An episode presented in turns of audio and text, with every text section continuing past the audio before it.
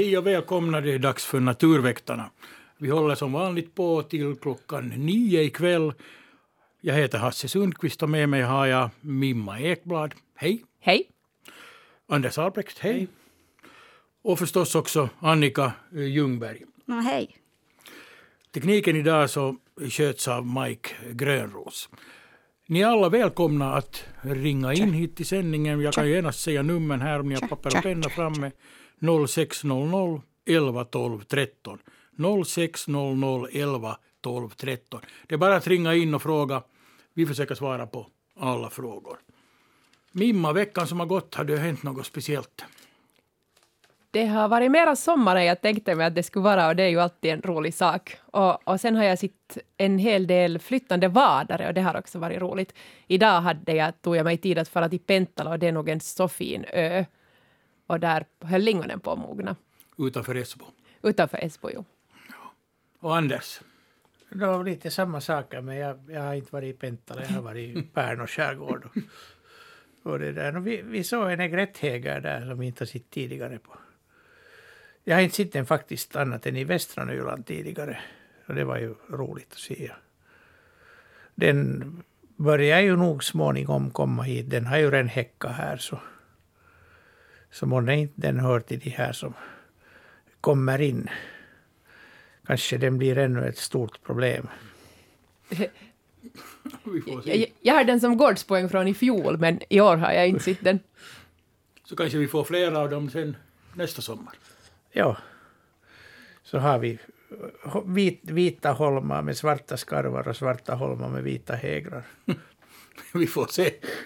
Annika, hur har din vecka varit? Riktigt bra. Mina naturupplevelser har nog gått mest ut på att sätta sig mitt i ett blåbärssnår och äta mellanmål. Det är bra. Själv har jag fiskat. Jag fiskat med nät utanför rumset och fått flundra och abborre som jag har rökt. Så det har varit har det kommit bra med flundra? Nej, någon enstaka nu och då. Ja, det, den har ju nog problem. Mm.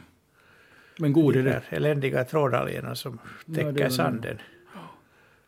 God är den ändå, ja. Den smakar lika bra som förr. ja, det bara gjorde jag. Mera sällan.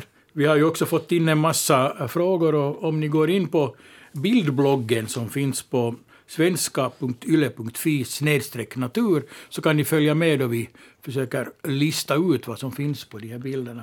Annika, du har ordning och reda på våra bilder. Ja, ordning och reda vet jag inte, men bilder har jag.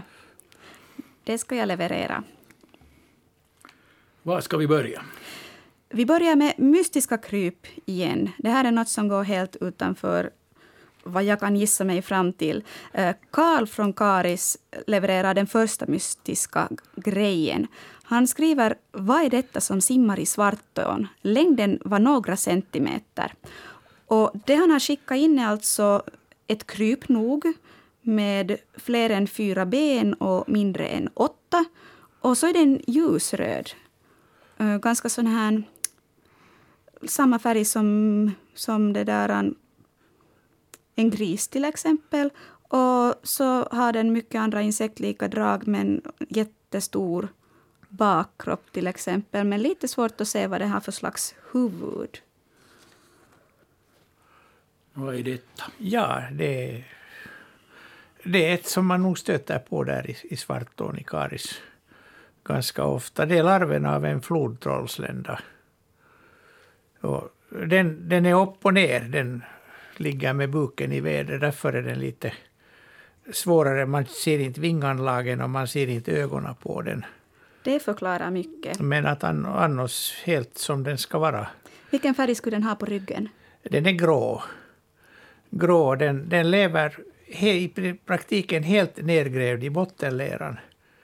Och bara så mycket att den, den har antennerna uppe och lite lite, lite av, av frambenen. Och så lurar den när ett stackars djur, någon annan insekt eller någon råkar stiga i närheten så snappar den tag och, och äter upp den.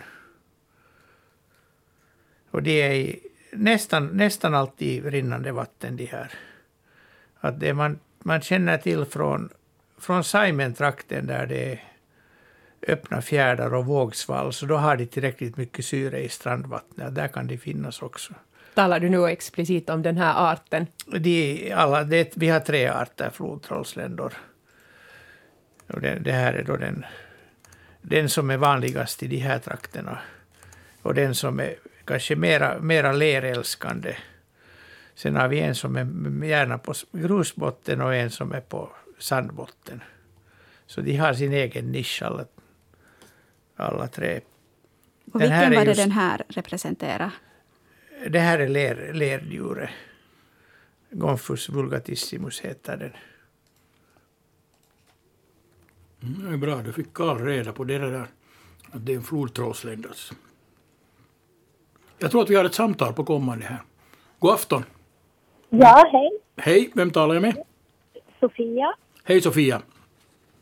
Eh, Jag skulle vilja fråga om eh, blåbär, eller det är ju blåbärstider nu.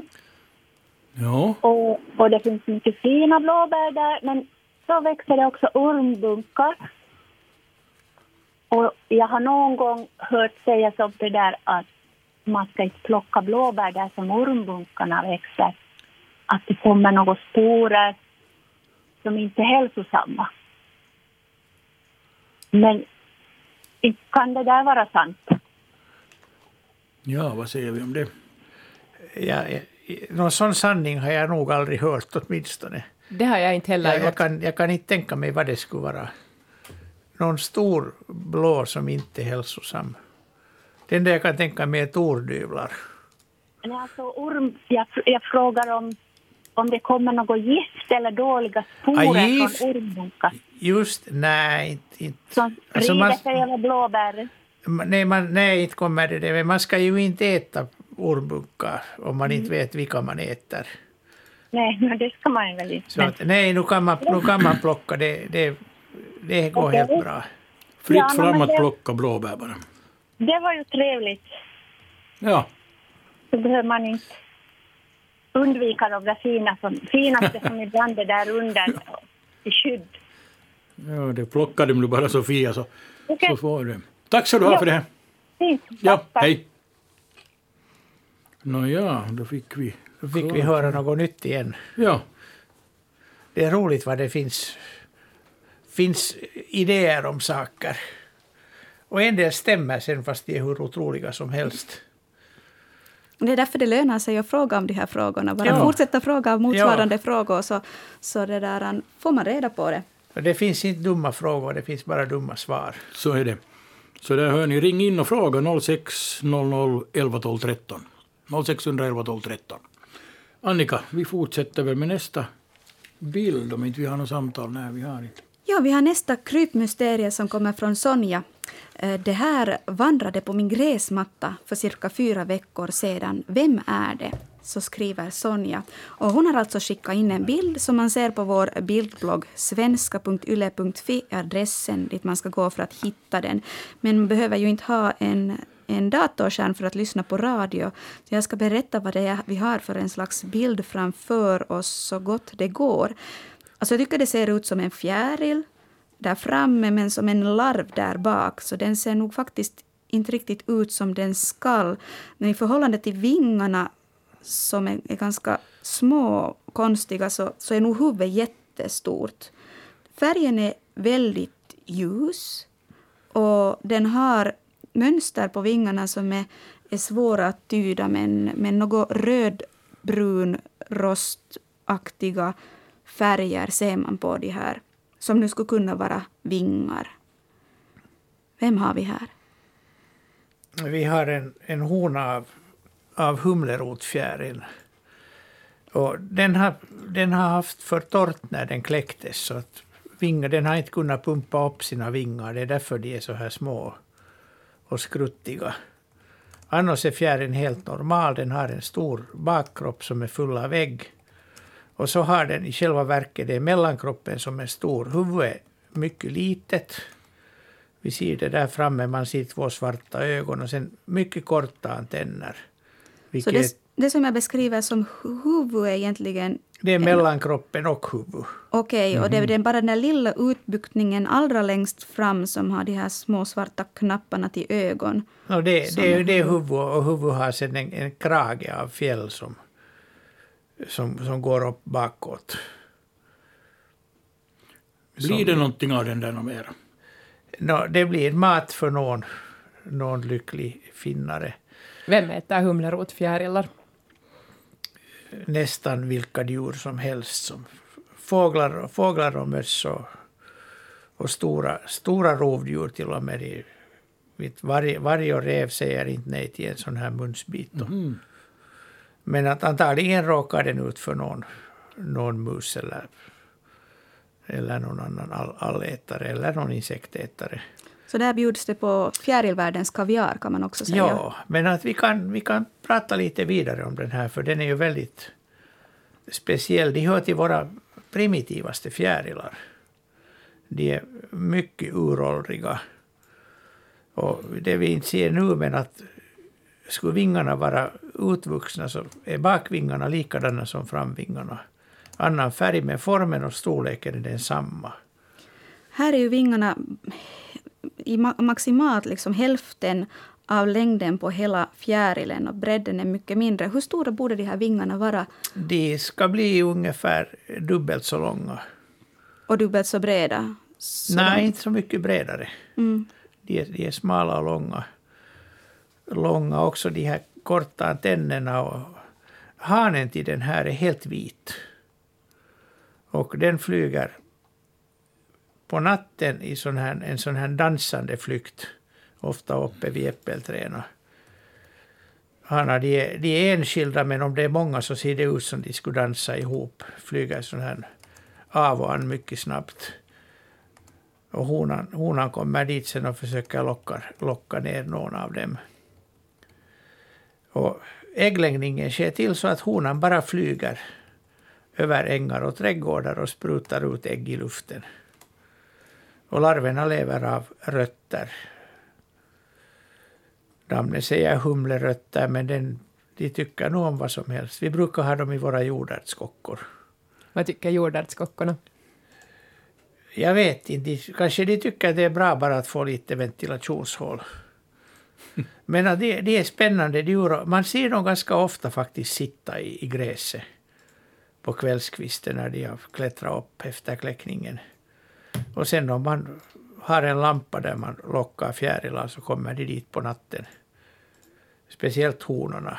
Hanen är, är inte så där på, begiven på ljus. Den, den slutar flyga när det mörknar. Men det är roliga djur. En primitiv. Primitiva, mm. men det får man förlåta dem. De blir ju inte sämre för det. Nej. I själva verket så de har, ju, de har ju hittat en design som är hållbar. Och överlevt, ja. Och överlevt. Och vi har måste evolvera hela tiden och inte blir det något ändå.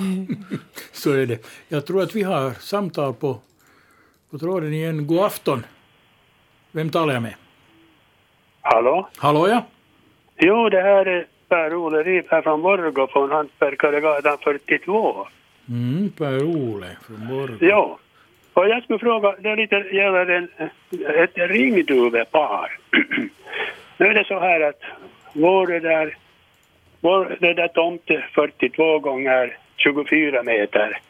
Och i ena hörnet så har jag för lång tid sedan det där planterat en, en rönd det var då som de där spinnmalarna eh, kom på äppelträden och, och det var någon som sa att man skulle plantera en sån där rönn och nu har den vuxit stor. Och det där, där har vi vår gunga och så har vi vårt trädgårdsbord och, och upp i det där, den där rönnen, kanske på fyra meters höjd, så hur jag nu tittar upp där. Jag sitter att det där en, en duva har flugit in där men jag har inte kunnat tro att de skulle bygga ett bo där. Och det är ju ganska genomskinligt. Och det där, och, och de är ju två stycken, ringduvan, som ruvar, tror jag, jag tror att de ruvar båda två, för att de flyger turvis in där. Nu frågar jag, hur länge ruvar ett, ett ringduvapar? Och, och det där, har de båda samma värme, de där, de där både honan och hanan? Och sen hur länge Om det nu blir ungar, så två stycken borde Polona ha. Hur länge är de där uppe? Att det, där, det är ju lite illa när de just det där som vi ska vara, men no, inte där, det verkar, nog- de verkar nog vara liksom ha godkänt oss, de där, de där duvorna. Ja, det här var ungefär vad jag... Ja, vad säger vi om det här? Så om de är nöjda med er där och fortsätter ruva så, så då är det ingen fara, då kan ni fortsätta vara där. Man måste förstås vara lite försiktig så man nu inte skrämmer dem allt för mycket. De här brukar lägga ägg ungefär i april egentligen, men de kan få två eller till och med upp till tre kullar per sommar. Så det här kan vara då deras, säg tredje kull om de har varit jätteproduktiva eller tyckt att hej, det, det här var roligt i år. Eh, Ja, och, och, och båda föräldrarna ruvar, så det, där, det är helt möjligt att, att se dem båda åka in där. Men det kan ju också hända att de matar vid det här laget, för det börjar nog vara ganska sent. Ja, Ja, jag har nog sett ringduva med, bo, med un, ungar i bo ännu i slutet av september. Okej. jo, att de det kan där- nog, och jag de, säger- de sjunger ännu. Jo, det, Han jo, de rop- sjunger, ropar ännu. de sjunger, de sjunger till varandra. Alltså, ja, den som ligger i boet så, så, så, och den som har flugit ut, så ho- hoa på ett avstånd. Ja, men Och de, de har säkert- också riktigt sån här spelsång så att de, Ja, ja. de tänker chansa ännu på en kull till. Vissa. Men, den, har, den har ju blivit en stadsfågel. ja, jaha. Också, Det- här, den har ju blivit, varit det i, i åratal Ja. redan i Mellaneuropa och England. Och, och nu börjar den vara här så att den, den är ju i egna hems och småhusområden så häckar det överallt på husen där och balkonger. Och, Just så. Ja, vi, Men har ju också, nu- vi har också i vår björk på Drumsö har vi ringduvor varje år. Som, Ja, jaha. Och det här var nog underligt att den nu hittade vår rönn. Ja, men om det om det, det, täta träd så hittar de ju. ja. Och som du sa, där- att bo är genomskinligt. Det är ofta man kan Jo. se äggen underifrån. Jo, och, och de ruvar nog. För att de, de, man ser ju ganska länge, den kan svänga sig med huvudet åt ett håll och så svämmar stjärten åt det andra och så vidare. Så att de ruvar faktiskt ännu. Att, att det, det vet jag. Så de, de kommer, ungarna är nog inte flygga förrän i, det går nog till september säkert. Det gör Ja, det. jaha, så de stannar där så där länge? Ja, Ja, så. om ni låter dem vara i fred och det ska ni ju Jo, göra. jo. Jag tycker om fåglar. ser. Jo. Det där, får jag ännu fråga en annan? no, Nå, det där det gäll- gäller tvestjärten. Och saken är den att det där... Eh, när jag får morgonposten och går till, och går till postlådan så kan det vara en eller två tvestjärtar i, i, i, i botten eller in i tidningen. I söndag så kom jag in med det där med tidningen och så föll tvestjärten på bordet och det där och sen det där och idag så droppade den från tidningen på väg hem in, in. Och det där, nu undrar jag vad äter den riktigt? Eh, Och är det farligt eller vad kan den göra om det, det om en sån där nu jag kommer hem in med posten och så droppar det där eh, slipper den till sticka här i vårt kök. Och det Det- där, ja, Helsingin Sanomat och Östnyland. Och jag undrar varför. Det har nu varit en tid här som, som det har varit tvestjärtar åt mig. Det Men på dags, dag, dagen med den posten så kommer inga något tvestjärtar. Eller finns inga tvestjärtar. bara på mor- i morgonposten. Ja. Vad säger du Anders? ja, den, den är ju ute på natten, det är ju nattdjur. Och till dagen går de in i, i något mörkt, till exempel postlådor är ganska vanliga. Jaha. Så att du får den därifrån och inte det är någon fara, den äter samma sak som du så att du får vara, se upp med morgonsmörgåsen bara. Nå, bra. Då kan jag De, de är all, allätare i högsta grad. Ja, jag kan lämna en extra smörgås medan jag äter. Gör det li, li, lite skinka på med, med Jo, fläsksvål. Jag har varit och köpa idag så det, Ja, det och passar bra. något sött, lite marmelad kanske också. Oj, oj. Det blir dyrt det här Per. Ole.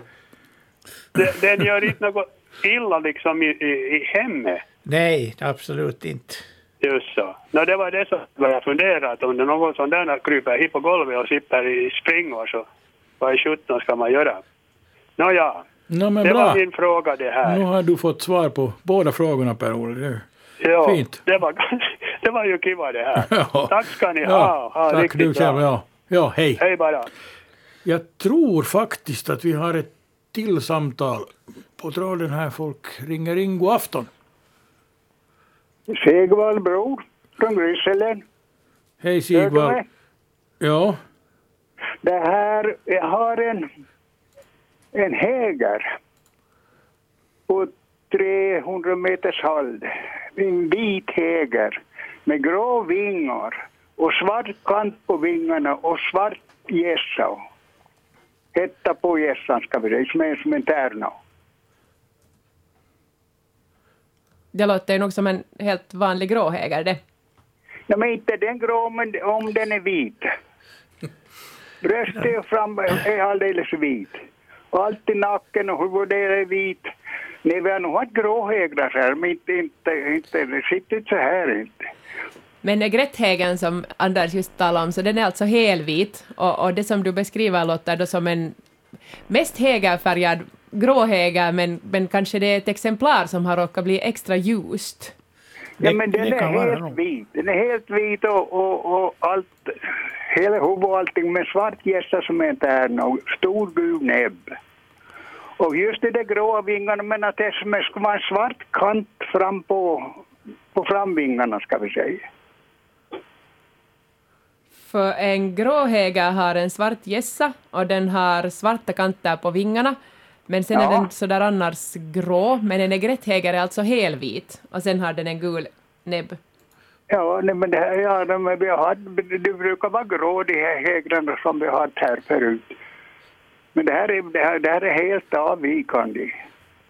Skulle det vara en albino då? Alltså den, den är ju nog väldigt ljusgrå där var den är ljus men... Men inte, Men det, den- inte det är den omöjligt helt att vit den, på bröstet och... inte det är omöjligt att de är albinistiska.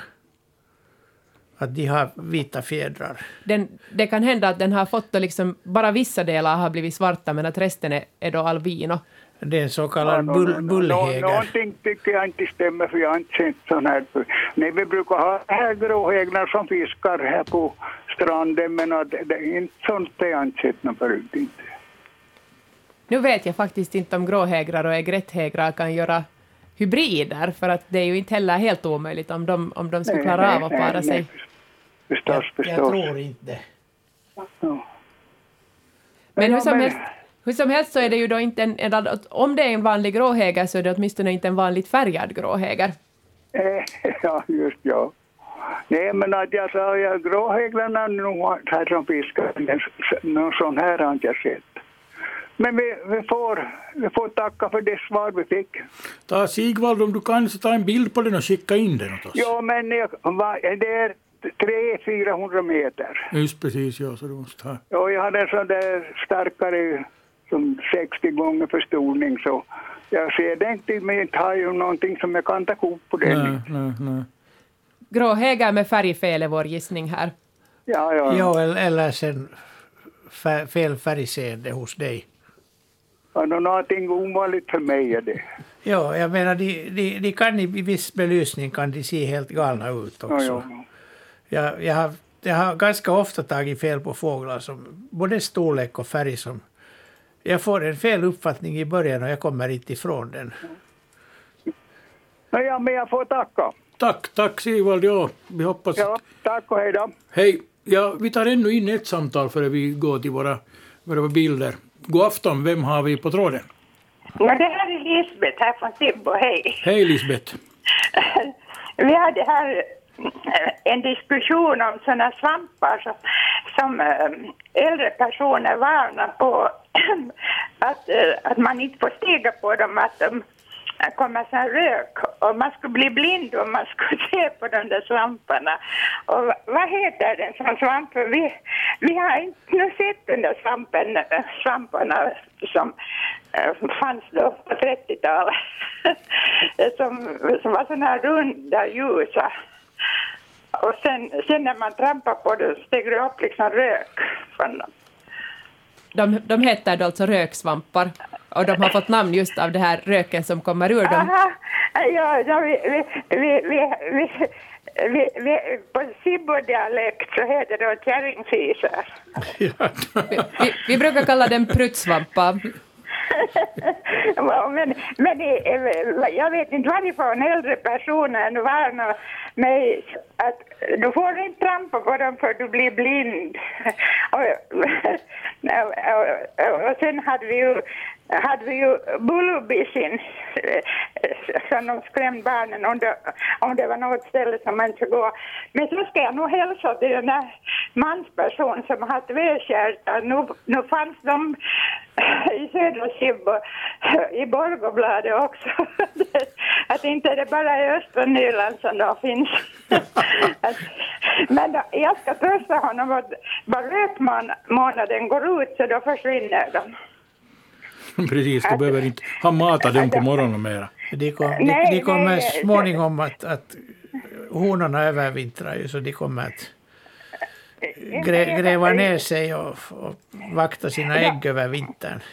Men de kom då när rötmånaden började hos, hos oss i postlådan.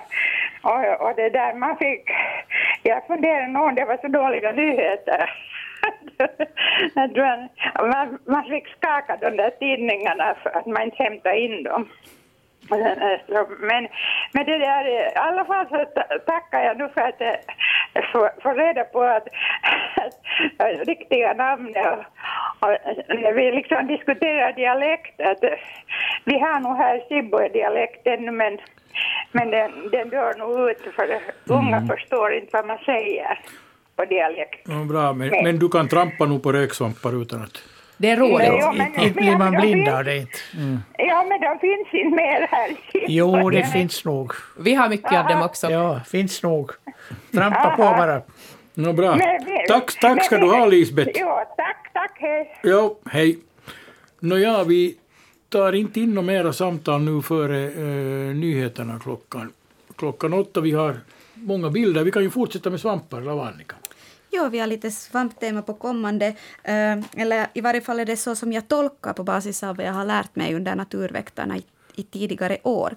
Det är nämligen Hannele som har hittat någonting mystiskt och undrar vad det är. Är det en svamp? Förekommer i många exemplar under en gran i bruna kärr. Har aldrig sett sådana tidigare. Och det är ungefär som ett lillfinger, cirka 6-7 centimeter långa. Och det är det som man ser på bilden som Hannele skickar in. Det vill säga sådana kanske lite slattriga avlånga fi- fingrar som, som, går, som inte står på något vis i raka rader.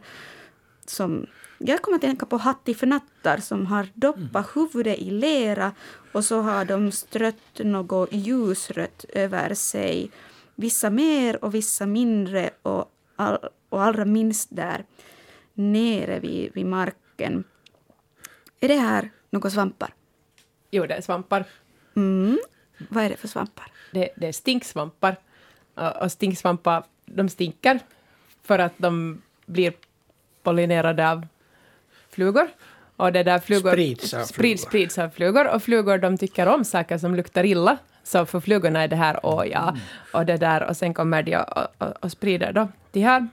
Och de ser ju då kanske eventuellt ut som något lite obskyrare och många av de här har fått namn också efter, efter sådana saker. Men den här torde det vara då en rödfotad stinksvamp Ja. och den har kommit från Nordamerika från början, någon gång under kriget tror jag. Och, och, det där, och så sprids den väl med trädgårdsmylla. Jo, den, den, no, den sprids ju med sporer överallt så den, den är ganska vanlig på, på, i kanten av spånbanor. Att den, den tycker om det här trä, träflis och också sådana här blomrabatter där man har flis i så trivs den bra. Jo, An, Annika försökte nu kringgå det här vad det liknar egentligen. på finska hette den för ko, koiranmulkkusieni. Jag måste säga att jag, jag, jag missade den där. Jag har tittat för mycket på Mumin på sistone för att associera rätt.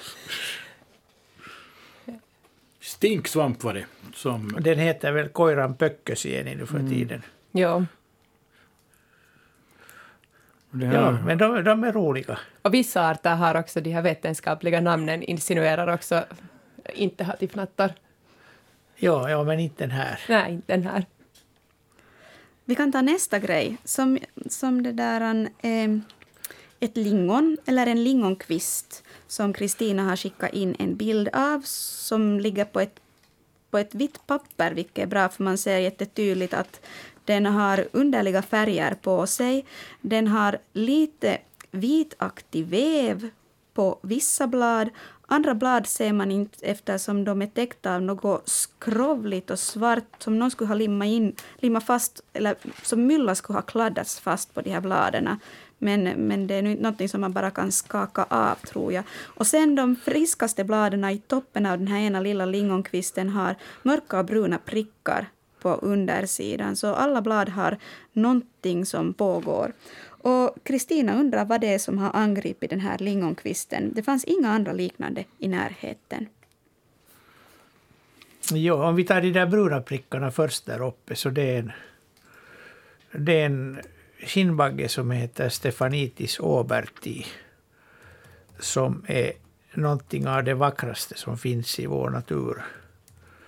Den är, täckvingarna och halsskölden är alltid som ett som ett nätverk av, av glas. Den är, den är helt otroligt vacker. Ungefär tre millimeter lång. Och de suger på, på lingonbladen och det blir, först blir det ljusa fläckar och sen blir de småningom bruna. De, de finns på blåbär också, men hellre på lingon och sen nog på andra släktingar. Och till exempel rhododendron finns den ofta på. Vad är den här bruna delen? Är det rester av sugspår eller är det, Det, alltså det, är, något... sug, det är sugspåret som har, har det där torkat och farit illa helt enkelt. För att den, den tömmer cellerna och då dör ju den vävnaden omkring. Så det, det är de, de spåren. Och sen den här, den här vit, vita och det svarta, det tror jag att hör ihop.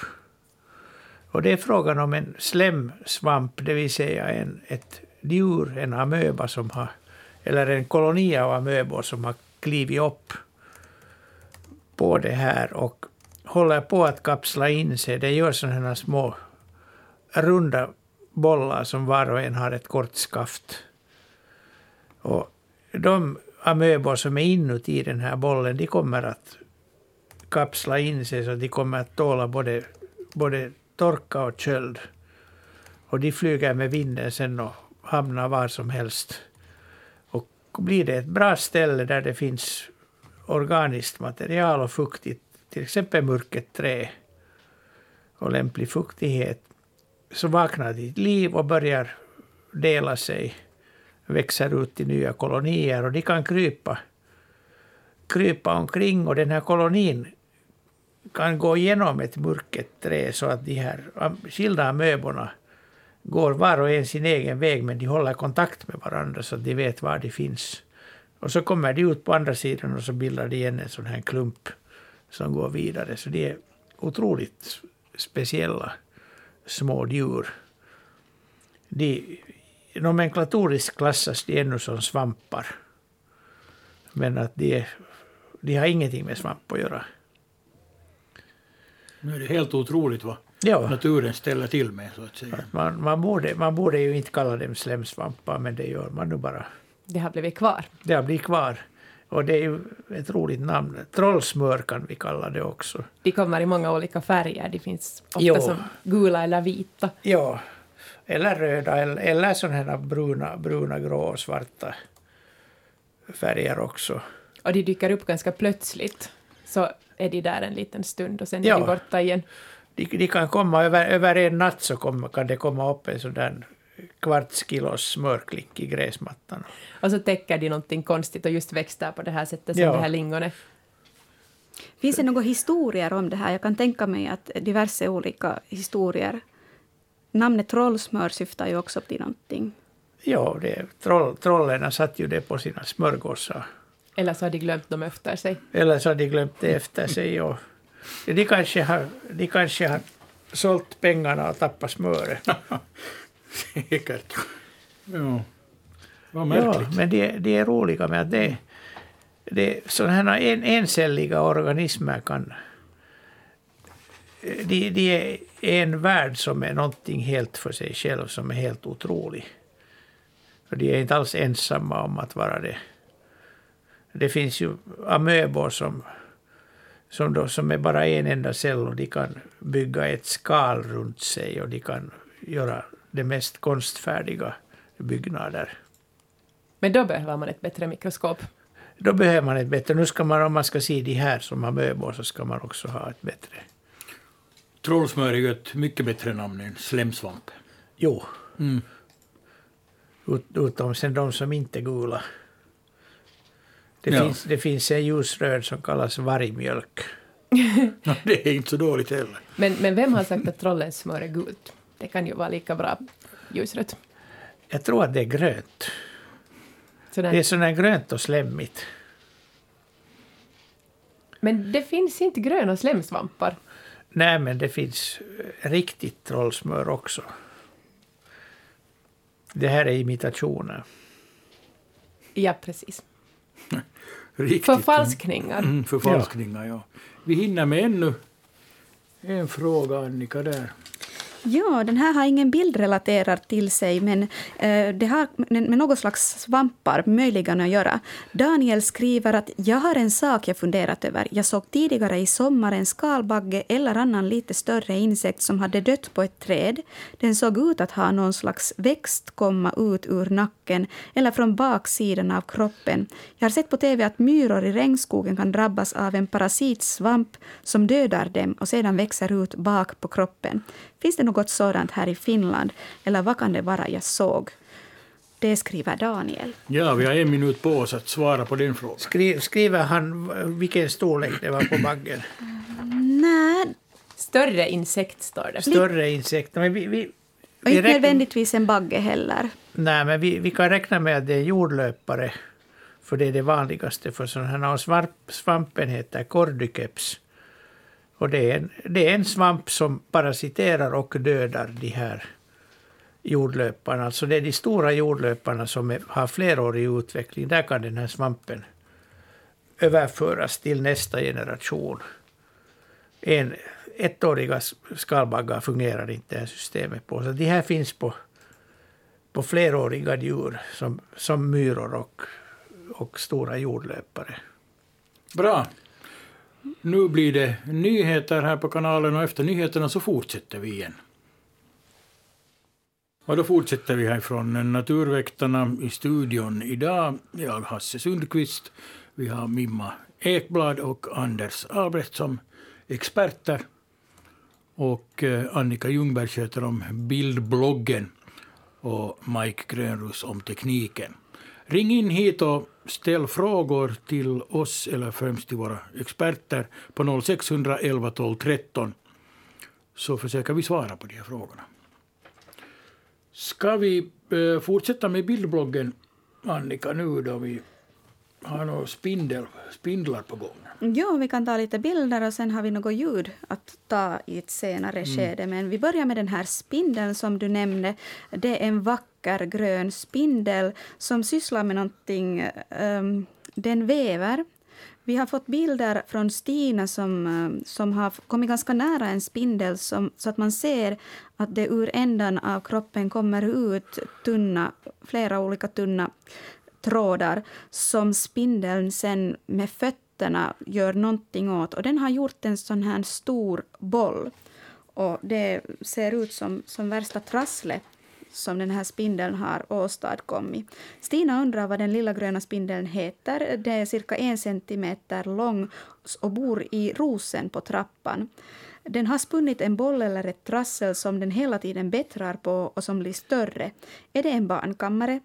Kommer det att komma ut små miniatyrspindlar ur trasslet? Åtminstone verkar det inte vara ett matförråd. Jag har inte sett den lägga in något mat där.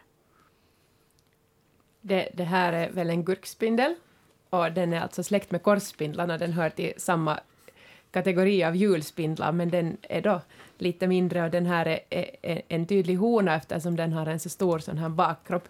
Hanen är också grön men den har inte alls lika tjock bakkropp. Och där förvarar den ju sina ägg, åtminstone till en början. Och det kommer ut en massa minispindlar en vacker dag. är de också alldeles gröna. De är, de är ganska bleka när de kommer ut. Jag skulle säga att de är mera gula. Är det därför den heter gurkspindel, för att den är grön? Det är nog det, ja. Den, den, den heter Araniella cucurbitina. Och cucurbita är ju pumpa egentligen. Pumpspindel. Egentligen liknar det ju nog mera en pumpa. Den liknar mer en pumpa nog, ja. Men varför gör den trassel? Den, den gör ett, ett skydds, skyddsbo för, för äggen. Du kan tänka dig om, om du skulle ha framför dig ett sånt här två meter stort trassel av, av garn som du inte orkar dra och försöka, försök ta dig in dit i äggen. Det, det är alldeles hopplöst för... Mm, speciellt om det är klibbigt som spindelnät och starkt som Ja, det, är inte, det är inte klibbigt det här, Ja, det, är torrt, det är torrt nät. De kan göra olika slags Ja, men nät. det är otroligt segt. Och dit, dit kommer nog inte någon. Och också om någon skulle försöka sig in så är ju spindeln där. Och de kan inte komma så snabbt. Är det så att hon redan har lagt äggen eller gör hon ägg i olika De är, etapper? de, är, de är nog lagda nu där inne så nu, nu skyddar hon dem bara. Och det är ju, det är ju om, om man om man skrämmer bort honan därifrån så kommer hon nog tillbaka bara hon hittar. Man ska inte skrämma bort honan Nej, det därifrån. ska man inte. Nej, men de, de hittar nog vanligen tillbaka för de har ju alltid en tråd efter sig. Så nystar de in den bara tillbaka. Modern version av Hans och Greta. Jag tänkte Ja. på samma. Ja. Men det här är alltså, trasslet är ett jättebra bo. Ett, Det är ett mycket bra bo, Mm. ja. Ja, det, vi skulle säkert må mycket bättre om vi skulle bo i, i, I trassel. trassel istället för i hus. Vi skulle I- inte kunna ha så mycket prylar. Nej, kanske just därför. och vi skulle aldrig hitta våra prylar där i, i, i trasslet. Och det skulle vara ett helt bra ställe att få vara sina barn på ibland. Ja, mjukt och skönt och där hålls de. Precis. Nå, nu fick vi veta att det är en gurkspindel och, och trasslet är ett bo. Eh, vi har samtal på gång här. God afton, vem talar vi med? Hej, det är Maria Dikman som ringer från Päijät-Tavastland. Hej. Hej. Nå, Eh, jo, jag skulle fråga om hökar. mm. Och, och jag har sett, sett någonting alldeles otrolig dramatik idag. Och, och min lilla taxherre så, så, så han eh, var, han var hejaklacken. Eh, det hände vid, vid uh, Päijännestranden och det är någonting som nu någon jagar vilt efter och det är inte fisk. Men, men jag, här på samma tomt har jag ehm, sett, riktigt riktigt har jag sett både brunkärrhök och, och eh, fiskljuse. Och jag har tittat att, att att det, det är lite större, större skillnad. Men vem av dessa eh, fåglar gömmer sig bland träden för att sen hugga in ner i sjön? En havsörn. En havsörn? Nej, nej, så stor var han nu inte. Hon, han, nej. Det är, ju, det är ju inte likt ljusen för den, den, den brukar jaga från luften. Den, den flyger omkring ovanför vattnet och sen slår den ner på en fisk. Och en kärr, kärrhök jagar alltid i flykten och lågt över marken. Ja. Så den som Ja. sitter i trädtoppen och jagar, så det, Det är havsörnen. det är havsörnen. Åh herregud. Alltså, ja, alltså det, det är eh, registrerat att, att vi har sett fjällvråka här i våra trakter. Ja, men det jagar också, det jagar flygande. Och, Den, den, den cirklar högt och så störtar den ner. och den jagar väl inte fisk? Nej, det jagar inte fisk heller. Nej, Men jag, jag har nog men- faktiskt sett fjällvråk som har, som har startat från en stolpe och dykt direkt ner på byte. Okej. Men, men inte fisk, utan det, det är på land alltid.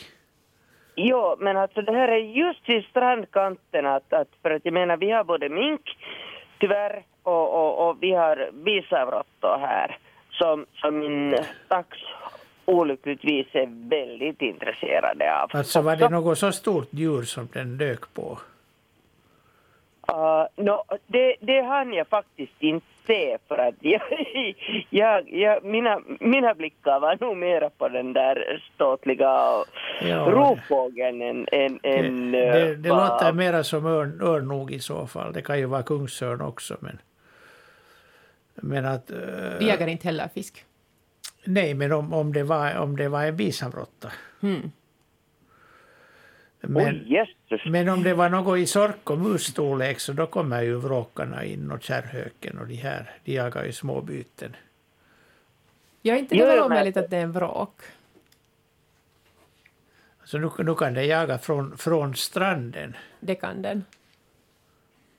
Det blir nog, jag tror det blir för svårt för oss att komma närmare det här. Vi kan bara diskutera hit och dit vad det kan vara. Vi kan säga att det var inte en fiskljuse, för den jagar åtminstone inte på det sättet. Okej. Men, men, men, Och inte en kärrhök heller. Fjällvråka, har, vi, har vi helt bevisligen sett här i, i, i våra trakter. Och, och, och, och kärrhökar har vi, har vi så det räcker. Men, men, men det här var just vid strandkanten och sen, sen liksom bara dök den. Liksom. Ja, nej, det, det är för tidigt för, för fjällvråken. Den, den är i norren nu. Okej. Norren nu. Bivråken håller väl på att flytta bort som bäst. Såg ni hur stor näbb den hade? Enorm.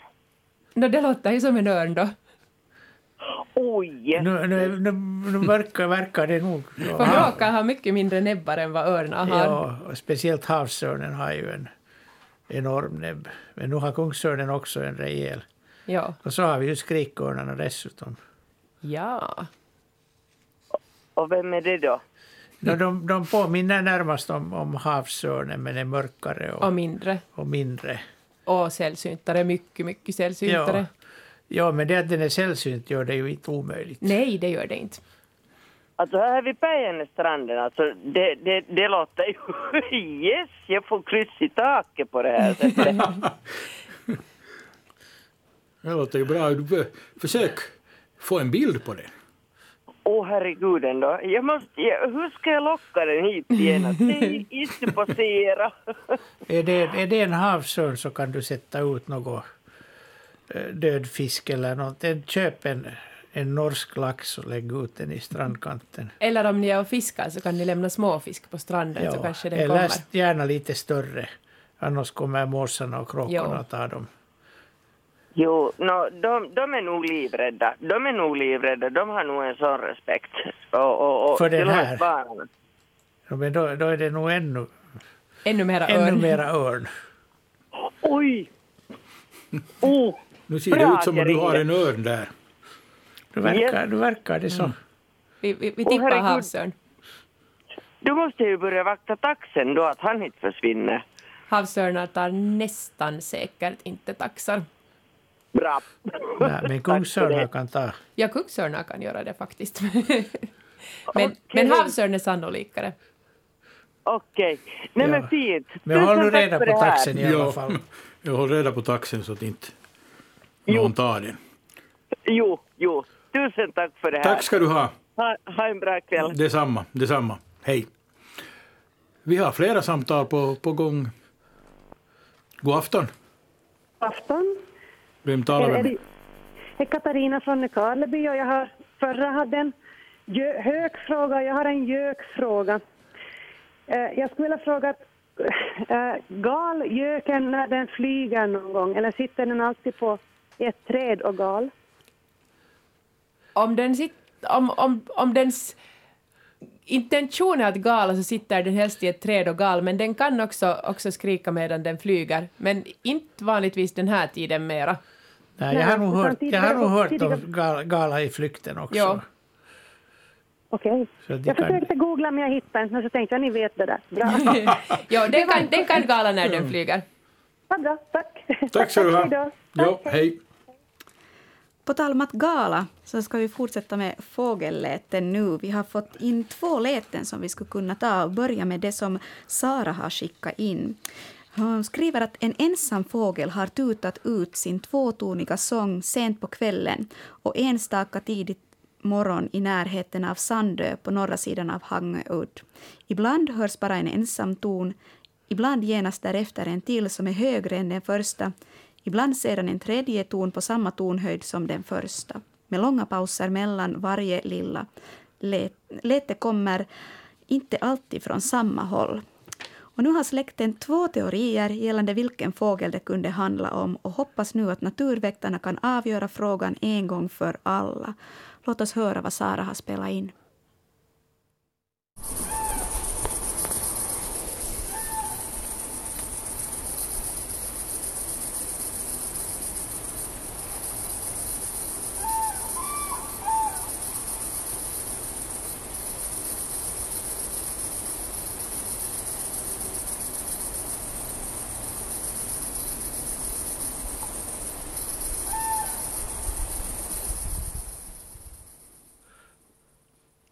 Grön vårtbitare, var det så? Det som var i bakgrunden, ja det här. Ja. Ja, eh, det, det var nog en trana det, det var där. trana, ja. Men roligt att för att jag lyssnade på det här ljudbandet för att kolla ungefär vad det är vi har kommande så tänkte jag att ah, är det lite dålig ljudkvalitet? Men nej, det var ju jättebra när vi hörde den här. Ja, jo, det var riktigt bra. Men du sa att det var... En trana. Eller två. Det kan också hända. Jag tror det var två. Som sjöng. Som sjöng eller pratade, eller vad de nu gör. Berätta nyheter. Men det, de brukar låta så här när de är ett, ett par någonstans och, och diskuterar med varandra. Ja, det var, det var, det var liksom sådana klassiska tranintervaller mellan Ja. de här olika lätena. De måste lite fundera vad de ska säga. Jag tyckte det lät hemskt harmoniskt. Ja, ja jag, jag tror inte de grälade alls. Nej. Två tranor som pratar med varandra. Nu är jag ju förstås nyfiken på vilka två teorier Ja, släkten precis. hade. Hoppas det här avgjorde släkt, släkttvisten. Vem får diska en månad? Någon fick rätt där. Vi hoppas så. Nu ska vi Kanske se. ja, inte det säkert. Nej, förstås inte. Jag tror på att ni hade rätt. Vi hade nog rätt. Hörni, vi går till Kerstins ljudfråga. Så här skriver hon. Jag hörde ett intressant visslande ljud i skogen då jag letade efter svamp och blåbär. Det var söder om Kristinestad i ett område där det inte rör sig så mycket människor.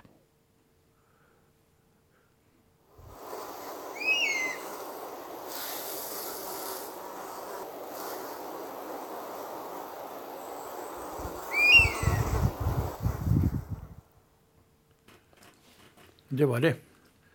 Var det, allt? det lät som en vråk, tycker jag. Jag är jätte, jättedålig på fågelläten, men min spontana reaktion var att det där skulle kunna vara någonting som figurerar längs i havet. Jag tyckte inte det lät som en vardare. Jag tyckte det lät som en rovfågel. Men, men nu får vi kanske lämna den här åt Jörgen. Det, eh, om vi vill ha ett säkert svar så ska vi definitivt lämna det åt Jo, Jörgen. Jag, jo. jag, jag gissar vilt och, och, och tänkte att det skulle kunna vara någon form av vadare och då hittade jag en ljungpipare som lät ungefär på samma sätt. Nej, det, det, det är fel för den. den. Den har en annan stämning. Jag gissar vilt som sagt så att jag opponerar mig inte. Jo, jo, nej, nej, men vi, vi, vi låter Jörgen avgöra Ja. det här. Vi får då vänta på att, på att vi har Jörgen här. Ja, Så, så om får han vi, inte hinner sticka sig in ikväll. eller ringa till oss 0611 12 13. Nej, men han får, han får komma och lyssna. Ja, vi har, vi har ett samtal som kommer. God afton, vem talar vi med? Det här är Leif Häggblom från Larsmo. God afton. Hej, god afton. Jag har en fråga gällande en gädda. Mm. Vi var ute på stugan här med barnbarnen och fiska fiskade lite med, med spö och fick då gädda som vi normalt inte tillreder eller äter. Men barnbarnen har aldrig ätit gädda så därför så, så blev jag tvungen att, och, och försöka och jag skar då från ryggen en filé ur gäddan och när jag vände köttsidan upp så stack där ut en vit sy, som en tjockare sytråd, fem millimeter. Och, och den satt inte fast i köttet utan när jag petade i den så kom därifrån en tre centimeter lång tråd. Vad kan det här vara? Tråd i gäddan. Tråd i gäddan. Nej, fiskparasiter är nog min sämsta sida. Jag tänkte just att är vertebrat där? Bra, det här är Anders. Är vertebrat, vad, vad är det? Ryggradslösa djur. Ja, ja. Ja, men, men Ja. fiskparasit SP, Ja, vi, vi, kan du skicka en bild på den för att jag har nog hemma en, en bok om Finlands fiskparasiter. Men jag har Ja. den inte med här i studion. Det ska jag göra. Gör, gör det så. Har aldrig sett något liknande i fiskköttet. men jag skulle inte äta det. Nej, jag skar då från andra sidan och där var, där var liksom filé ren och så stekte jag en liten bit men det räckte för barnbarnen att de smaka. Sen ville de inte ha mera för vi hade både sik och abborre också. Ja. Och, och vi, vi äter och tillreder inte normalt gädda. Med enbär blir det bra. Ja, Ja, det, nu, får, nu får man gäddan god också. Men, men skicka en bild och det där Annika skickar den åt mig sen så, Ja, det gör jag. så får jag Fint. checka om den där boken duger till något. Jo. Bra. Just så. Bra. Tar du skicka på natur.yle.fi på till vår e-post så skickar du in bilden och så får vi den hit och så ska vi ta reda på vad det är. Det ska jag göra. Anders Fint. lovar veta. Titta i Ja. boken. Titta. Jo. Bra. Okej. Bra, tack ska du ha. Tack, hej. Ja, hej. Och vi har ett till samtal. God afton, vem talar vi med? God afton. God afton, ja hej. Det är Gitte Edelman från NAV. Hej. Jag hade en, en lite intressant observation här för en vecka sedan. Det var i Tövsala vid ett gammalt stenbrott som var vattenfyllt. Och där var det maneter i det. Och nu har jag förstått på nätet att det, där, att det finns sötvattensmaneter. Men att ehm, de är inte så väldigt vanliga. Ja. Nej, det, alltså det, det, finns, det finns en som har sitts lite här och där. En, jag vill minnas Ja. att det är en nordamerikansk art som har, som har kommit in. Jaha. Och den har sitts bland annat i, här i Helsingforstrakten. I, det Ja, där, i, i sandgropar och, och Ja, sådana ställen. Nu kommer jag inte ihåg vad den heter. Ja, jag Den hittade... ser inte riktigt ut som, som den där öronmaneten utan Nej, den har den lite längre svansar. Den är, den är, den är inte, inte så nära släkt med den. Minns jag rätt att du skulle ha skickat ett e-post gällande den här frågan? Ja, Ja, Jag skickar med en bild också, Ja, jag ja. hittade den här bilden och jag lyfter nu upp den min dator så att Mimma tittar och kisar och ser lite förskräckt ut. Nej, jag ser inte någon bild. Aj, du ser Nej. ingen bild.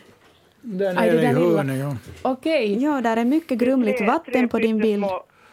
Tre, tre pyttesmå maneter där. Ja, jag har förstorat de där två i hörnerna, men det ser ut som, som ringar med ett, ett eh, kryss i mitten och, och lite hår som sprättar ut från den enda, men de är väldigt små. Det är väldigt små. Men man Jo, ser jag nog att de har inte där- med mig så att De har inte där ringarna på samma sätt som hos öronmaneter. Jag, jag, jag hittar här att i Sverige åtminstone så ska det finnas en sötvattensmanet som har kommit från Kina på 60-70-talet. Vad Ja. heter den på?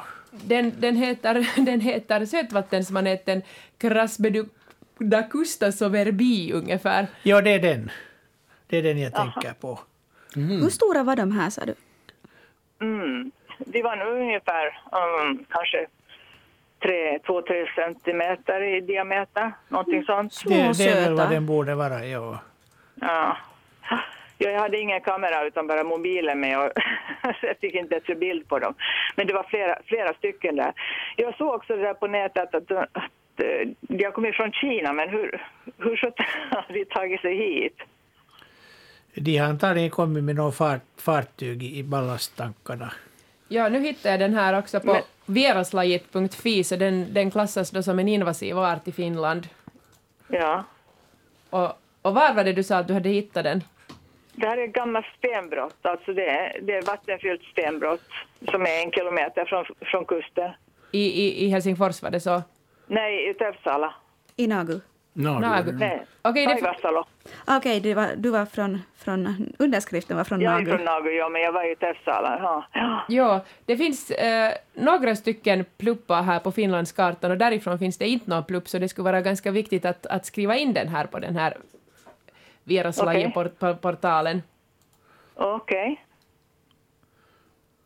Och hur gör man det? Eh, Vieraslajit.fi och så finns Okej. där meddela, fast den är dessvärre nu då bara på finska.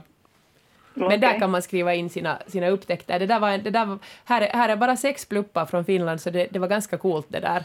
Ja, Ja. Man kan, man Ja, kan ju räkna med att det finns betydligt flera fynd än vad det finns pluppar. Det finns det säkert. Jo. Ja, Jag, men måste, det, det, jag blev något sti- stirra för jag, jag visste inte att det fanns maneter i, i sötvatten och jag kunde inte tänka annat än att, att det måste vara sötvatten i ett sånt här vattenfyllt stenbrott. så att jag, och de såg un- lite underliga ut också. Så, men ja, ja. No, Jä- Jättespännande. Och Den första har kommit på 1990-talet enligt den här portalen. Mm. Mhm. och an- antagligen Ja. sprids det sen med fåglar från vatten till vatten här. Jo, de talar också om sådana olika ja, kanoter och, och, och sådant som folk... Och det fanns någon, någon liten sån paddelbåt där vid, vid, vid sidan så det kan ju tänkas att det kommer på det viset från något annat Det finns, vattendrag. det finns en mass, massa, men att just sådana här, sådana här som har slemmiga stadier så de, de fastnar så lätt för att det flyger ju fåglar hundratals, Precis. tusentals per dag mellan alla vattendrag. Ja, ja att det, det precis. ja, sprids ja. fisk, fisk och det sprids groddjur och det sprids allt möjligt med fåglar. Och, och det. inte vet man, ja. fast de skulle ha kommit från Kina med fåglar. Mm. ja, ja, att inte torka på vägen. Ja, nej, men det, det låter ju roligt i alla fall. Ja, men att inte, Ja. inte verkar det nu vara någon på det viset invasiv att den skulle, den skulle det där utbreda sig med någon större hastighet. Och, och vad- ställa vad- till med vad något problem. Den upp, eh, vad äter den upp utom den, den, ät, den äter vattenlopp och Okej, ja. ja. ungefär den klassen. Och det har vi nog tillräckligt av. Okej. Men, men skriv gärna in din observation Jo, i alla gör, fall. gör det, gör det, jo. Okej, Oj, det var en fin, fin upptäckt. Ja. Ja. Mm, Tack ska du ha. Mm, tack. Hej. Och hej. Och flera samtal har vi. God afton. Vem talar jag med? God, afton, det är Levi här. Från Hej. Hej. Hej. Vad har Levi på? Men Ja. hörde, jag skulle fråga här om en insekt. Den är sådär ungefär två, två och en halv centimeter lång. Och det är mörkbrun på ryggen och så ljusare bak till. Den har fyra, fyra svarta prickar på ryggen. På ryggen. Ja, den heter det där... Nå, nu kommer jag... Den heter fyrfläckig blombock. Fyrfläckig blom, blombock. Är det en skalbagge? Nej, skabag. Är det skabag? Det är en skalbagge, ja. Jaha, jaha. ja jag, jag kan inte tänka mig något annat med den beskrivningen. Just det. Men hur har vi sådana där små, små insekter, de är sådär mörka, mörka. Och de, de kryper där på en stol som är en plaststol. Det var det fyra ibland och nu, nu var det gröna, gröna insekter lika stora idag på den stolen. Varför vill de vara på plaststol? Varför vill de vara på plaststol? Antagligen vill de inte vara där mer än någon, men de är lätta att se på en plaststol. Jo, just det, just det, det är så mörk den här stolen. Mörk. Ja, ja det, är, det är lätt att se på en slät yta. Att man, ja. det finns lika mycket på bladen och gräset omkring, men att du märker inte Jo. dem där. Nej, nej, för den sitter- står där grä, grä, där är långt gräs bredvid. Ja. Det är sån där stol. Jo, just det. Jo. Mm, Fint. Vad, vad är det för insekter som är där på den, på den stolen? Hör Vad du, är det kan vara precis vad som helst. Ja, det kan vara så. Vad som Men att gan, ganska stor del är, är skalbaggar, stritar och tvåvingar, alltså flugor och myggor. Ja, Vad var storleken? Vad är de gröna, de där som luktar illa? Är de de som Det, luktar? det är bärfisar, ja. Just det, jag tänkte, jag tänkte ju, jag tänkte ju. Jo, just det, just det. Det Ja, var svårt, svårt, svårt att lyfta fram idag. Ja det är så folk, det är många som ringer in.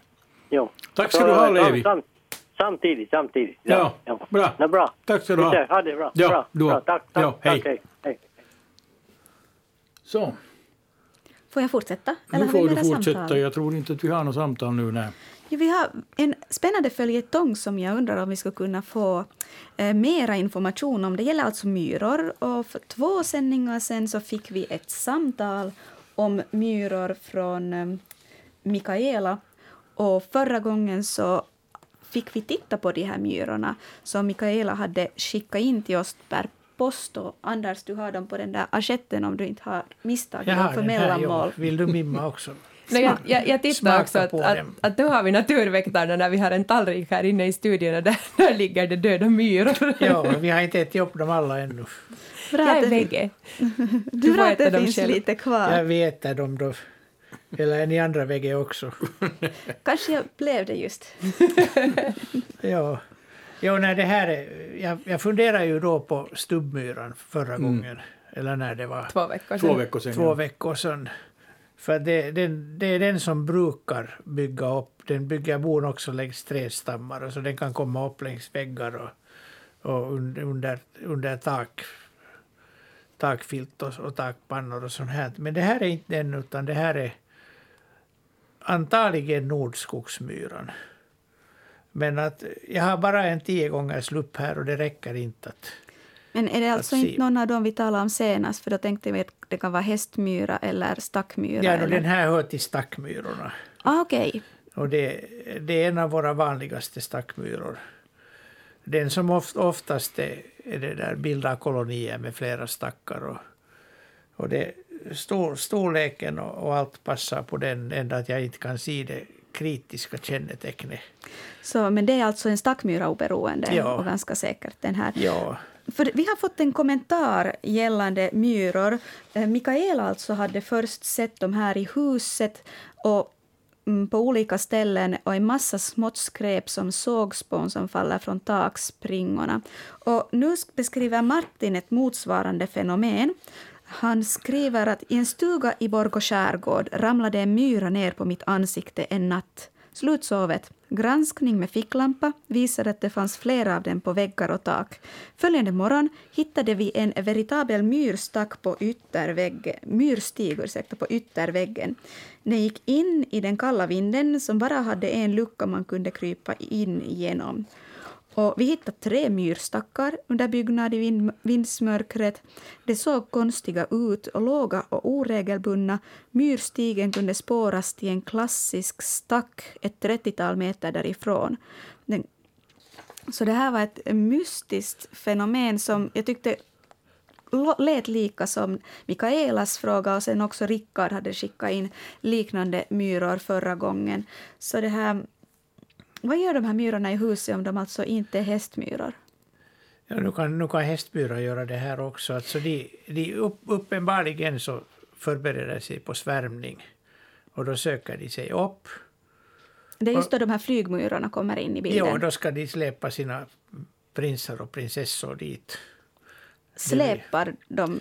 Nej, alltså de, de, de styr de ar- arbetarna hela tiden med. Och de, de är så vimsiga. De Vallar. här, kung, kungligheterna är så vimsiga att de behöver vallas och, och skötas om. Och de, de bär upp dem, för det, det är ju meningen att de ska sen när det blir lämpligt väder så ska alla traktens myror av samma art svärma samtidigt. Hur vet de att eh, det sker samtidigt? Det, det, det måste vara någonting i väderleken som gör det och eventuellt några feromoner i luften när de första har börjat. Så sveper en doft över nejden och, och, och alla de sitter där färdiga. Men varför bygger de stackar på vinden? De måste ju ha någonstans att bo. Det kan ju ta flera dagar förrän det blir bra väder. Så det är ett tillfälligt boende? Det är ett tillfälligt boende som Sådana myrmotell. kommer att lämnas sen. Sån här... Ja, Så det skulle förklara också det här um, sågspånet som Mikaela beskriver att faller från takspringorna. Ja no, sågspån kan nog alltid falla från takspringor. Ja. Men att de, de förbereder sig på det här och de, de söker sig uppåt till något lämpligt ställe där de kan vänta på, Mm. Så på det där. Precis som myror under jorden, de söker sig under någon sten eller någon bredbit eller någonting där. Där man kan se sen hundratals och tusentals flygmyror som bara väntar på signal.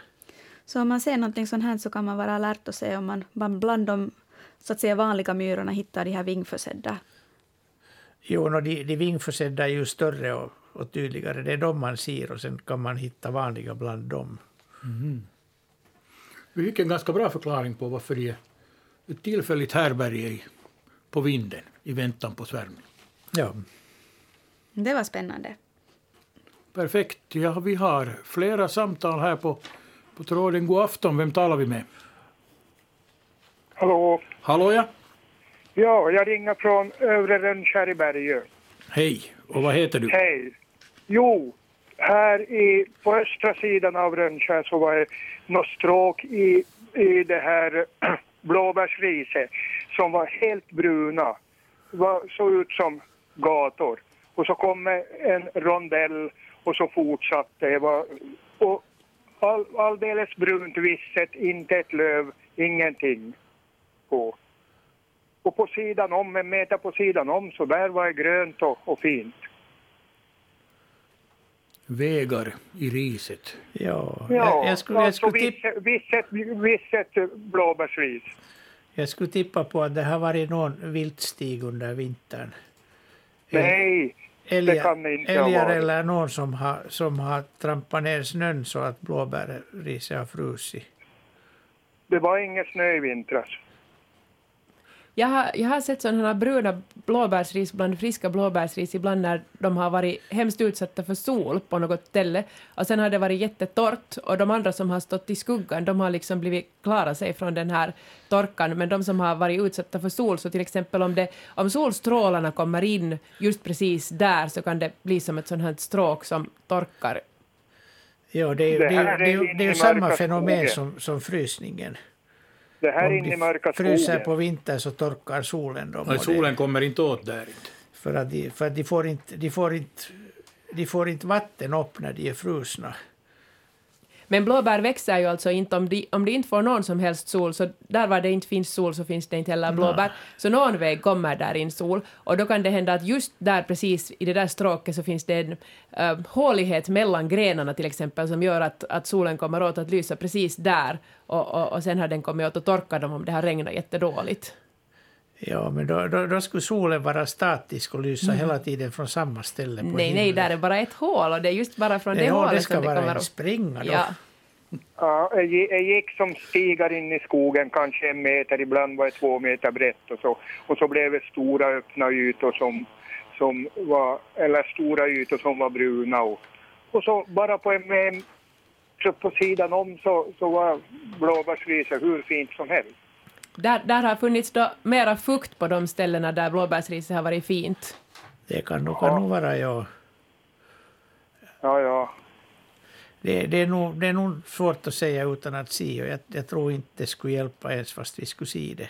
Nej, men de Ja, har... nu, nu, nu syns det inte längre heller. Så nu har ju eh, blåbärsriset börjat fälla löven så att det, nu syns inget vidare heller. Men där, de har haft det bra de blåbären som, som är friska för de, de andra har Det råkat ut fanns för inga någonting. blåbär alls överhuvudtaget där. Okej.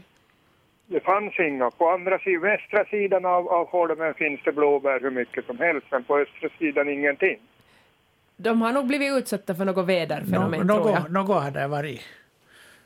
Ja, En komet har svämt med svansen. Jag tänkte aliens men jag iddes inte säga det. kärnavfall, Tjer- Tjernobyl, Tjernobyl, nedfall. Ja. Mycket eh, Troligtvis lokalt. torka, de är troligtvis torkade på något sätt. De har troligtvis torkat. Men varför så det vet vi inte.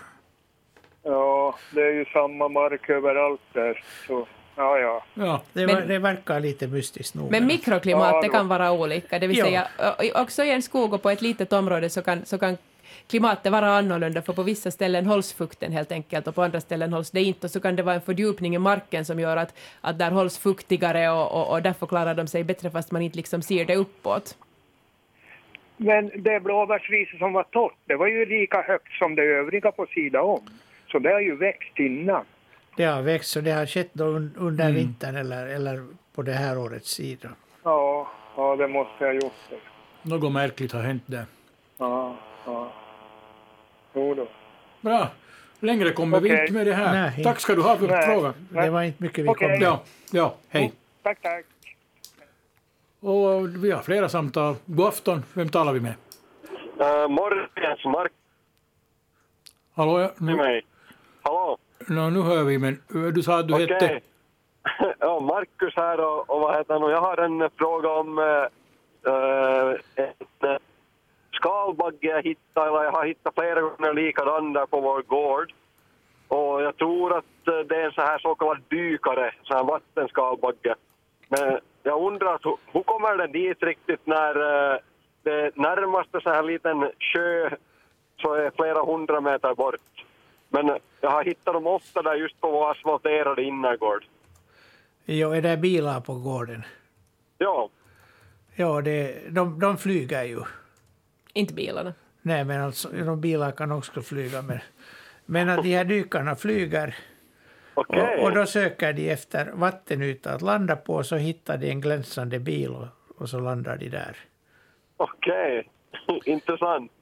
Så det, det är ganska vanligt. Och växthus landar de på, och glänsande plåttak och, och bilar är helt vanligt. Men de så, av någon sak så, så, så trodde jag att de inte flyger. De flyger nog. De flyger nog, ja. De flyger Ja. mycket bra. Yes, tack, tack Nåja, för du fick svar på den frågan. Ja. Tack ska du Ja, ha. tack ska ni ha, hej. Ja, hej. Och vi har flera samtal här. God afton, vem talar vi med? Hej. Hej. Vem är det? Hej. Nadja från Hitis. Hej Nadja. Vad har du för fråga? Häromdagen så såg jag en manet, en öronmanet med, med sex sådana ringar och jag undrar om det är någon speciell art eller om det bara är genfel. Det är samma art och, och det är nu inte kanske ett genfel utan bara en, en, en annorlunda variant så där som vi kan ha olika färgs hår så finns det också sådana öronmaneter som har sex sådana så kallade öron. Okej. Ja, men det, det är inte fel. Inte det är hårfel heller om man har rött hår. Nej. Det är bara en variant. Kan maneterna ha olika färger också? De är vanligtvis nog ljusröda. Okej. Men de är lite speciella, det är lite som fyrväpplingar. Om man, man kan Mm. tänka att det är som en fyrväppling när man hittar en, en, en öronmanet med sex sådana Okej. öron. Sexörig öronmanet. Kanske den också ger lycka. Mm. Vi säger att den gör det. Det var en bra bångning. Ja, det var bra. Är du nöjd Nadja med, med svaret? Ja. Fint. Tack ska du ha. Hej då. Tack, hej. Nåja, fick vi veta det. Men det. Lyckomaneter. Jo. Vi har en twistefråga här. Ja, en ny, ny släkttvist. Vi löste en släkttvist med ljudläte här tidigare. Då var det fråga om tranan. Och nu är det Peter från Karleby som tvistar med sin fru om denna fågel. Den satt på vägkanten utanför vårt hus och verkade inte må bra. Lade sig ner för några sekunder, steg upp, lade sig ner igen upprepade gånger. På väg till affären körde vi sakta förbi utan att den reagerade nämnvärt. Fågeln är borta när vi återvänder hem. Min fru tycker att det är en kornknarr medan jag tycker att det är en vilsen missfärgad mås. Vi har inte sett något liknande förut. Säger alltså Peter som har skickat in en bild på den här, frågan, på den här fågeln. Och den hittar man om man går in på svenska.yle.fi natur. Där har vi en, en liten krabat som som har ganska långa ben. Hela den här grejen är ganska beige eller ljus eller grå i färgerna. Benen är inkluderade. Bara ögonen är mörka och näbben är antingen jättemörkt eller sen råkar den bara vara i skuggan. Men man kan lite säga att till exempel nacken är nog ljusare än till exempel vingarna och vingarna har något mönster. Stjärten är svår att se Egentligen noterar jag först nu att den har ju en längre stjärt men den är så likadan till färgen som asfalten i bakgrunden så jag tänkte nästan missa den här stjärten. Så vad som är asfaltspringor och vad som är mörka kanter på fågelfjädrar har jag jättesvårt att säga. Kan man på basis av det här lösa tvisten? Det kan man. Vad är det? Det är en mås, men den är inte missfärgad, den är ung. Det är en, det är en, alla, alla unga måsar har sån här färg, de är sådär liksom vitaktiga med, och, och brunspräckliga. Och, det där, och de ser man ju då förstås ute i skärgården, men många häckar ju på tak och då kan man se dem också på gräsmattor och sånt. Och, och det här är ett sånt här ungbeteende, den liksom tiggar efter mat och de, de, ofta piper de samtidigt som de tiggar efter mat, men de knäar och, och det där och, och böjer sig och, och, och vill egentligen bli uppassade av sina föräldrar. Uh, den här, det här är en ung fiskmås, det ser man på formen på måsen. Den är ganska liten och den har en sån här liten snäll näbb som är lite svart i ändan. Är det här före de börjar flyga, de här måsarna? Eller? Den här är nog så stor att den kan nog flyga den. Och de ser ju ut så här ännu ungefär till följande, tidigt följande vår, så ser de ännu ut på det här sättet. För de springer ju omkring då de hoppar ner från taken. Mm. I bebyggelsen springer de omkring och kväker. ja. Kväker. mm. Efter mat. Nåja, men då har vi löst den tvisten. En mås, unge. Ja, inte missfärgad. Bara inte ung. missfärgad, ung. Ja, jag försöker rädda den här frun här, att det var inte helt rätt det där. Precis. Nåja, då har vi... Vad har vi då för frågor som kommer från bildbloggssidan? No, hörru, jag skulle gärna ta ett mysterium som ser så underligt ut. Det är den sista den där bilden på bildbloggen och jag, jag behöver bara få veta idag vad är det här för underligheter som Inger har skickat in. Och nu om jag också får reda på mina papper så hittar jag texten till Ingers fråga. Där har vi den. Vad kan detta vara? Dessa studsar ner på min altan då och då på samma ställe hela tiden. Cirka fem gånger fyra millimeter. Är det frön eller bajs från något djur? Inget träd ovan altan, men många aspar i närheten. Och när jag tittar på den här så inte ser det ut som bajs och inte ser det ut som något frön. Men, men vad, det där um, jag ska beskriva, de är små bruna pripplor. Men de ser ut som cylindrar när man tittar från sidan, men tittar man rakt uppifrån så har den en blomform. Så den här bruna grejen är indelad i sådana här sektorer. Uh, vad är det här? Det här är fjärilsbajs, det vill säga fjärilslarvbajs. Nej, jag tror inte på det. Det är lite som trollsmöret som du talade om tidigare. De, de ser ut precis så här. Alltså deras, på riktigt? Ja, deras analöppning är formad ungefär som, som öppningen i tuben av en kaviar som jag inte fick nämna. Men kaviar är det som man sätter på smörgås? Jo. Och då, då, då, blir, då blir den här korven sån här... Så det är som om man skulle... Randig. Det är som den skulle vara klämd ut. Och den, alltså den har som när man spritsar en kaka? Ja. Så larvrumpan den, har, den har rör, rörliga de här spritsspetsarna. Så att den, den kan klippa av däremellan. Och de, de är ju ganska torra de här. Ganska grov, grovkornigt och, och torrt.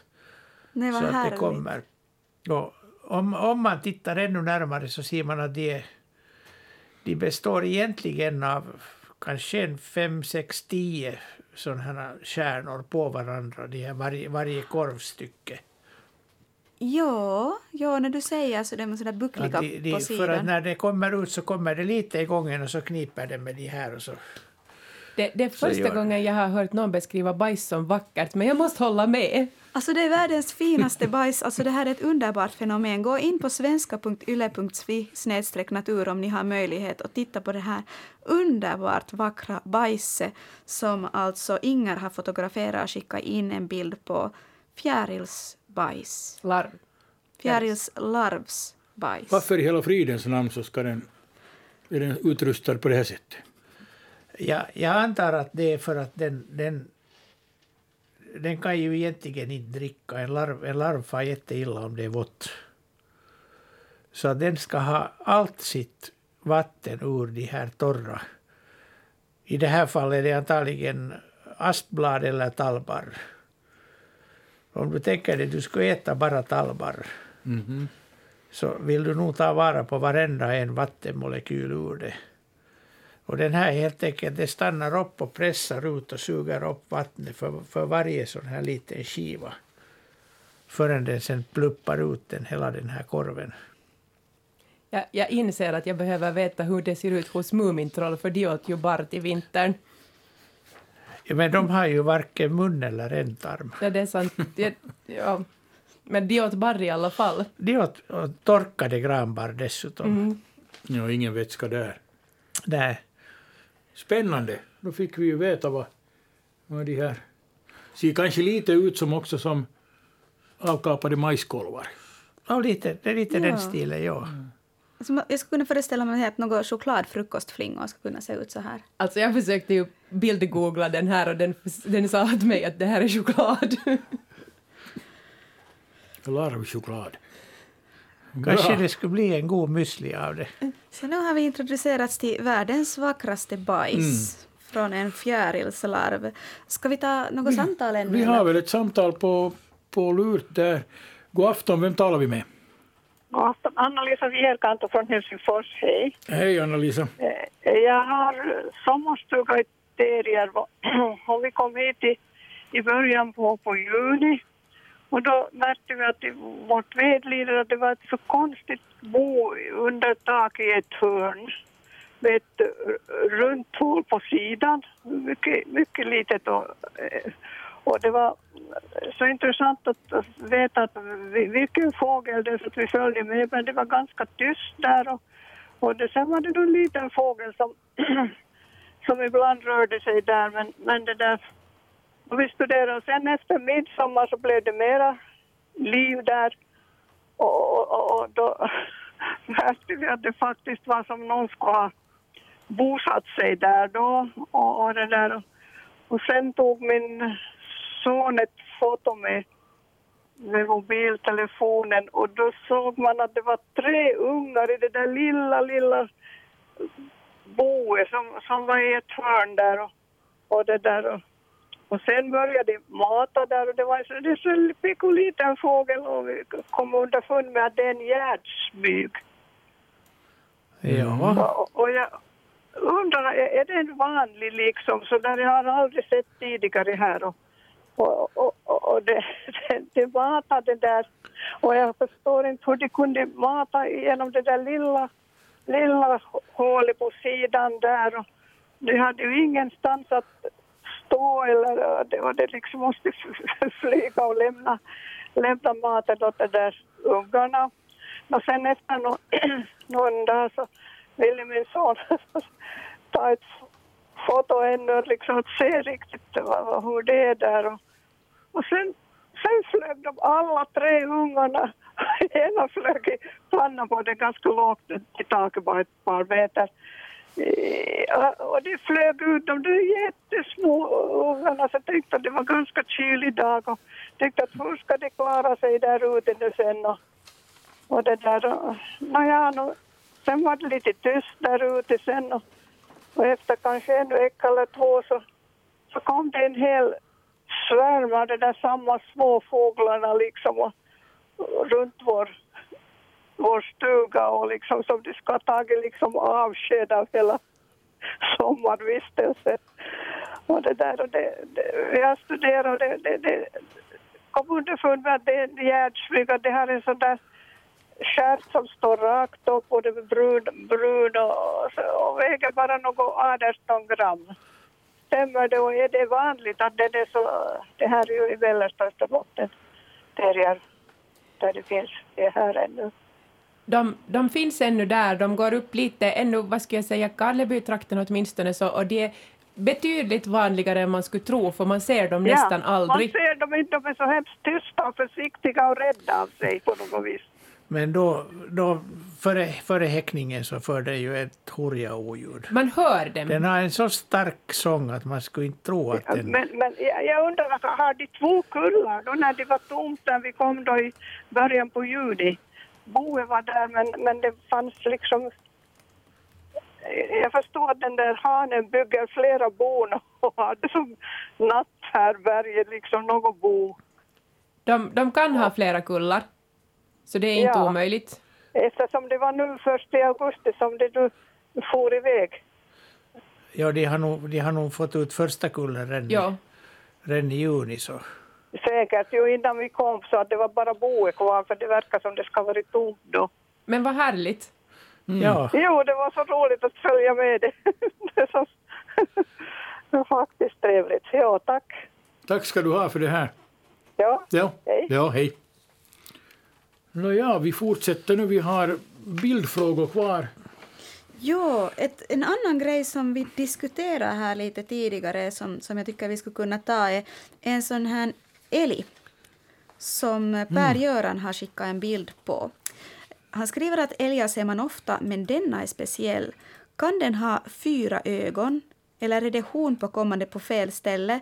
Eller har den varit med på fjolårets älgjakt?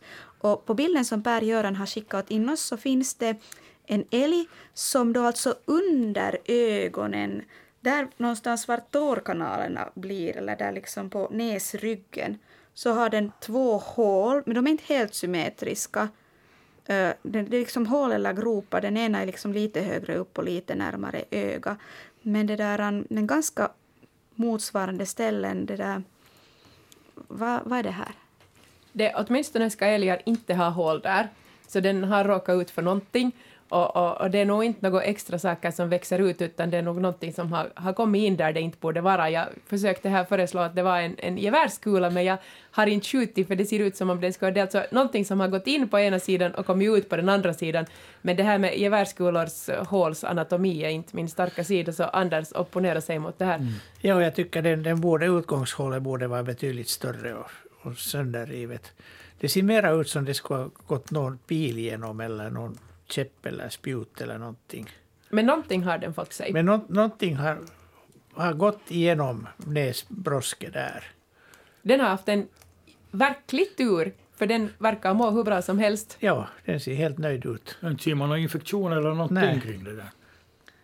Ja, nu har jag också hål i öronen. Det finns människor som har hår genom näsbrosket, så Ja, det är kanske inte lika steril procedur som den här har varit med om. då den den, har- den har inte, det, vet, det vet vi att den har inte knappast gjort det själv. Nej, och knappast betala för att någon ska göra det kontrollerat. Att den har nog bara haft en otrolig tur. En jaktolycka tippar vi på. Det kan vara någon, någon som har jagat med, med armborst till exempel. Och, Jagar man älg med armborst? Nå, vet du. Ja, det finns ju alla möjliga förstås. Men Jo. Skulle det vara möjligt att en liten filur ännu skulle hinna slingra med sig i den här sändningen? ja. Den här filuren är ett, fot- har Maj-Ros, ah, nej, Rosmaj, ursäkta, eh, skickat in åt oss. Hon undrar vad det är för en eller vad det ska bli av den. Den hittades i sand jord i Syrenbergsån i juni och den är bara en och en halv centimeter lång. Och på bilden så ser man först att den skulle kunna ha någon slags ormlik teckning. Den är lite randig, men sen när man beaktar storleken så är det ju inte möjligt. Den ser alltså kanske ut som en dagmask. På sättet den slingrar sig skulle jag säga att den liksom, kanske är den lite styvare än en dagmask eller så har den bara inte slingrat sig så hemskt mycket. Men väldigt maskig är den, men en sån färg har jag aldrig sett på en mask. Är det en mask? Nej, och vi ser, vi ser ju i, i nedre, nedre vänstra ändan så har den en sån här brunaktig huvudkapsel. Vilken nu inte... Okej, vilken, du vilken ser. maskarna har, men att... Och, och det är typiskt för, för många mygglarver. Och det här är en larv av en sorgmygga som le, lever av organiskt material inne, inne i jorden. Och, och de här teckningarna de, kom, de kommer sig av att där är en blandning av, av mull som den låter gå genom tarmen. Den suger åt sig näringen och sen dess egna vävnader som är ljusare. Och det här är antagligen den här samma art som bildar de här så kallade härmaskarna. Som då är frågan om tus, hundratals eller tusentals av de här larverna som, som kryper omkring och förflyttar sig som om de skulle vara en enda stor, stor mask. De använder amöba-strategi. Lite det ja. Lite det ja, men att de är då skilda djur, men att de, de följer varandra. Och det är ytterst få som har fått se de här, här maskarna. Ytterst, och ännu, ännu mer sällan att någon biolog som skulle ha kunnat dokumentera det. Men man kan se, hitta ganska ofta om man